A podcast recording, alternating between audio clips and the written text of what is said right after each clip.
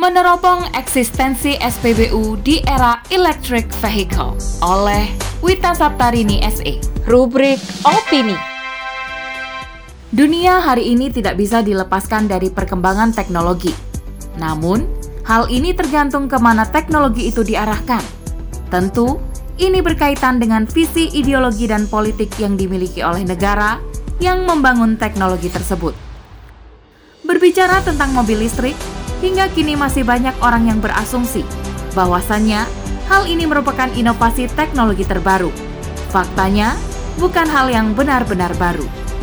Sejarah penciptaan mobil listrik dimulai sekitar abad 19 dengan prototipe pertama yang berhasil diciptakan pada tahun 1830 oleh seorang insinyur berkebangsaan Skotlandia bernama Robert Anderson. Namun, kalau bersaing dengan melimpahnya BBM yang murah pada saat itu. Seperti dilansir Ring Times Bali, pikiranrakyat.com pada 10 Februari 2022, tren electric vehicle atau mobil listrik kembali booming dan diprediksi menjadi tren kendaraan masa depan. Terutama di negara yang dinilai aktif menggunakan mobil listrik seperti Amerika, Tiongkok, Eropa, Korea Selatan, dan Jepang. Seperti yang kita ketahui, bahwa kendaraan listrik mampu mengurangi emisi karbon yang menyebabkan krisis iklim. Selain itu, dianggap dapat mengatasi mahalnya biaya BBM. Benarkah demikian? Berdasarkan hasil uji perjalanan yang dilakukan PT PLN Persero, melalui akses tol dari Jakarta ke Bali, biaya yang dibutuhkan dalam penggunaan kendaraan mobil listrik jauh lebih murah dibandingkan kendaraan berbahan bakar minyak. Tentunya, hal ini menjadi momentum bagi negara untuk menghemat devisa disebabkan impor BBM yang dikurangi. Oleh sebab itu, kehadirannya mulai dilirik pemerintah sekaligus menjadi pendorong percepatan transformasi menuju era green technology. Kini, pemerintah Indonesia telah menyiapkan banyak regulasi menyambut era electric vehicle. Salah satunya yakni Perpres nomor 55 tahun 2019 tentang percepatan program kendaraan bermotor listrik berbasis baterai. Namun, menghadirkan kendaraan listrik di Indonesia bukan berarti tanpa tantangan. Pasalnya, mobil listrik berharga lebih mahal 40% dibandingkan mobil konvensional. Disebabkan mayoritas komponen mobil masih bergantung pada impor pun permasalahan pajak yang dianggap menghambat penetrasi mobil listrik. Kendati demikian, pemerintah tetap menargetkan 2 juta unit mobil listrik dan 13 juta unit motor listrik akan beredar tahun 2030 di Indonesia. Sebab, bila dilihat dari sisi bisnis, siapa pun yang memulai, dia yang akan menjadi market leader. Menurut para pengamat, Presiden Jokowi dinilai mampu mengikuti arah perkembangan dunia serta jeli memanfaatkan momentum membangun entitas politik. Sebab arah dari otomotif di masa depan adalah kendaraan listrik. Lalu, bagaimana dengan eksistensi SPBU di era pemberlakuan electric vehicle secara masif di Indonesia? PT Pertamina sebagai BUMN yang selama ini mengelola penambangan minyak dan gas bumi di Indonesia hingga tahun 2020 tercatat telah mengoperasikan SPBU sebanyak 7.026. Diketahui, 65% pendapatan Pertamina berasal dari BBM. Fenomena munculnya kendaraan listrik tentu menghadirkan pertanyaan terkait Pertamina yang diprediksi mengalami kerugian. Sebab, populasi pom bensin tergantikan dengan stasiun pengisian listrik. Tak tinggal diam, untuk mempertahankan eksistensinya, Pertamina akan mengonversi sebagian kilang BBM menjadi petrokimia dalam mengatasi problematika ini. Dengan tujuan agar tidak berimbas pada bisnis kilang minyak sehingga masih memiliki nilai ekonomi. Selain itu, PT Pertamina juga bertransformasi menjadi perusahaan BUMN energi yang memproduksi baterai untuk keperluan kendaraan listrik. Pertamina akan membangun pabrik baterai dengan memanfaatkan potensi Indonesia sebagai penghasil nikel yang memproduksi 15 juta ton per tahun. Sebab rencana hilirisasi industri kendaraan listrik tak lepas dari potensi nikel di Indonesia yang memiliki cadangan terbesar di dunia. Berdasarkan data dari Kementerian ESDM, jumlah cadangan mineral terkira Indonesia mencapai 4, miliar ton cukup untuk memenuhi kebutuhan produksi selama 45 tahun. Tak ayal, dampak dinamika dunia atas perpindahan tren elektrifikasi kendaraan ini, saham tambang nikel menjadi buruan investor. Sebagai tindak lanjutnya, Kementerian BUMN telah resmi membentuk holding untuk mengelola industri baterai kendaraan listrik dari hulu hingga hilir yaitu Indonesia Battery Corporation atau IBC. Pada 28 Juli 2021 lalu, Menteri Investasi mewakili pemerintah Indonesia resmi menandatangani nota kesepahaman dengan konsorsium PT Hyundai dan PT Industri Baterai Indonesia sebagai salah satu langkah awal dari rencana proyek baterai kendaraan listrik terintegrasi. Langkah selanjutnya, Pertamina bersinergi dengan PT PLN untuk turut menyiapkan ekosistem kendaraan listrik dengan membangun stasiun pengisian kendaraan listrik umum atau SPKLU. Hal ini telah dibuktikan saat peluncuran pilot project dari Green Energy Station di SPBU Kuningan, Jakarta pada 10 Desember 2018 lalu di mana unit Electric Vehicle Charging Station atau EVCS telah terpasang yang terdiri dari dua tipe, yakni tipe pengisian cepat dan tipe pengisian normal. Tak butuh waktu lama. Sebagai wujud keseriusannya, beberapa waktu lalu Kementerian Perindustrian pun melakukan kunjungan kerja ke Jepang untuk membahas pengembangan industri otomotif. Alhasil, sejumlah produsen mobil asal Jepang berkomitmen berinvestasi belasan hingga triliunan rupiah di Indonesia.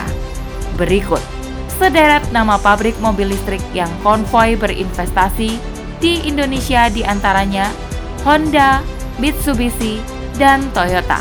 Menurut analisis periset BNEF, Nata Hanil Bulat mengatakan bahwa akan ada titik saat kendaraan listrik lebih murah dan menjadi momen penting bagi pasar electric vehicle. Alasan dibalik laporan ini disebabkan prediksi analisis terhadap kendaraan listrik yang akan mengalami penurunan harga yang cukup jauh dimulai tahun 2022. Namun, mungkinkah disertai penurunan tarif dasar listrik? Sudah bisa tergambarkan bagaimana rencana pemerintah membuka lebar keran investasi dengan menarik para investor asing dalam bisnis baterai dan hilirisasi industri kendaraan listrik, yakni hanya demi meraup keuntungan. Namun, Kebijakan-kebijakan yang terkesan dipaksakan dan menjerat tetap diterapkan terhadap rakyat.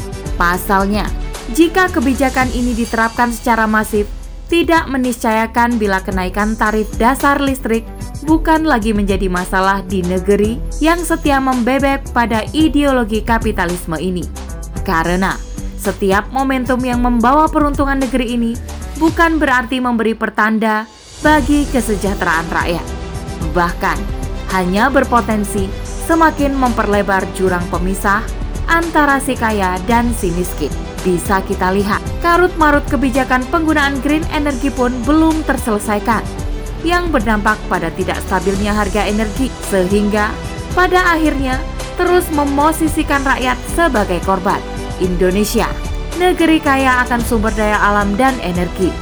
Namun, bila berada dalam genggaman aturan kapitalis, pasti menjadi krisis.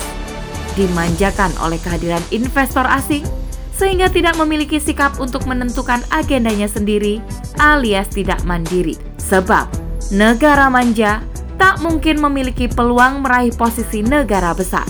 Sistem kapitalisme yang merajai kehidupan dunia saat ini telah menancapkan paham bahwa materi adalah tolak ukur majunya peradaban. Pandangan inilah yang mendorong manusia untuk memanfaatkan teknologi demi meraup pundi-pundi uang. Tak heran, penggunaan teknologi acap kali tak terkendali dan semua diperuntukkan atas nama materi. Itulah gambaran bagaimana bila perkembangan teknologi disetir dalam pandangan kapitalisme yang memisahkan antara agama dan kehidupan. Kemajuan teknologi adalah sesuatu yang tidak dapat dihindari. Hanya saja, ibarat pisau bermata dua, kecanggihannya tak lepas dari aspek yang diusung dalam revolusi industri. Revolusi industri sebagai hasil dari kemajuan teknologi tak dimungkiri bisa menjadi jalan dalam meningkatkan kualitas hidup manusia di berbagai bidang. Namun, bisa juga menjadi alat menghancurkan peradaban manusia, sebab sangat erat dengan penjajahan modern. Bila kita cermati, revolusi industri itu sendiri pada awalnya digagas oleh negara-negara barat yang berideologi materialistis sekuler, yang kemudian kita kenal sebagai ideologi kapitalisme. Sehingga bukan hal yang mengagetkan lagi bila kita temukan dalam sejarah revolusi industri apa yang mereka lakukan pasti menghasilkan imperialisme dan penderitaan luar biasa. Semakin berkembang industrialisasinya, maka semakin banyak pula korbannya.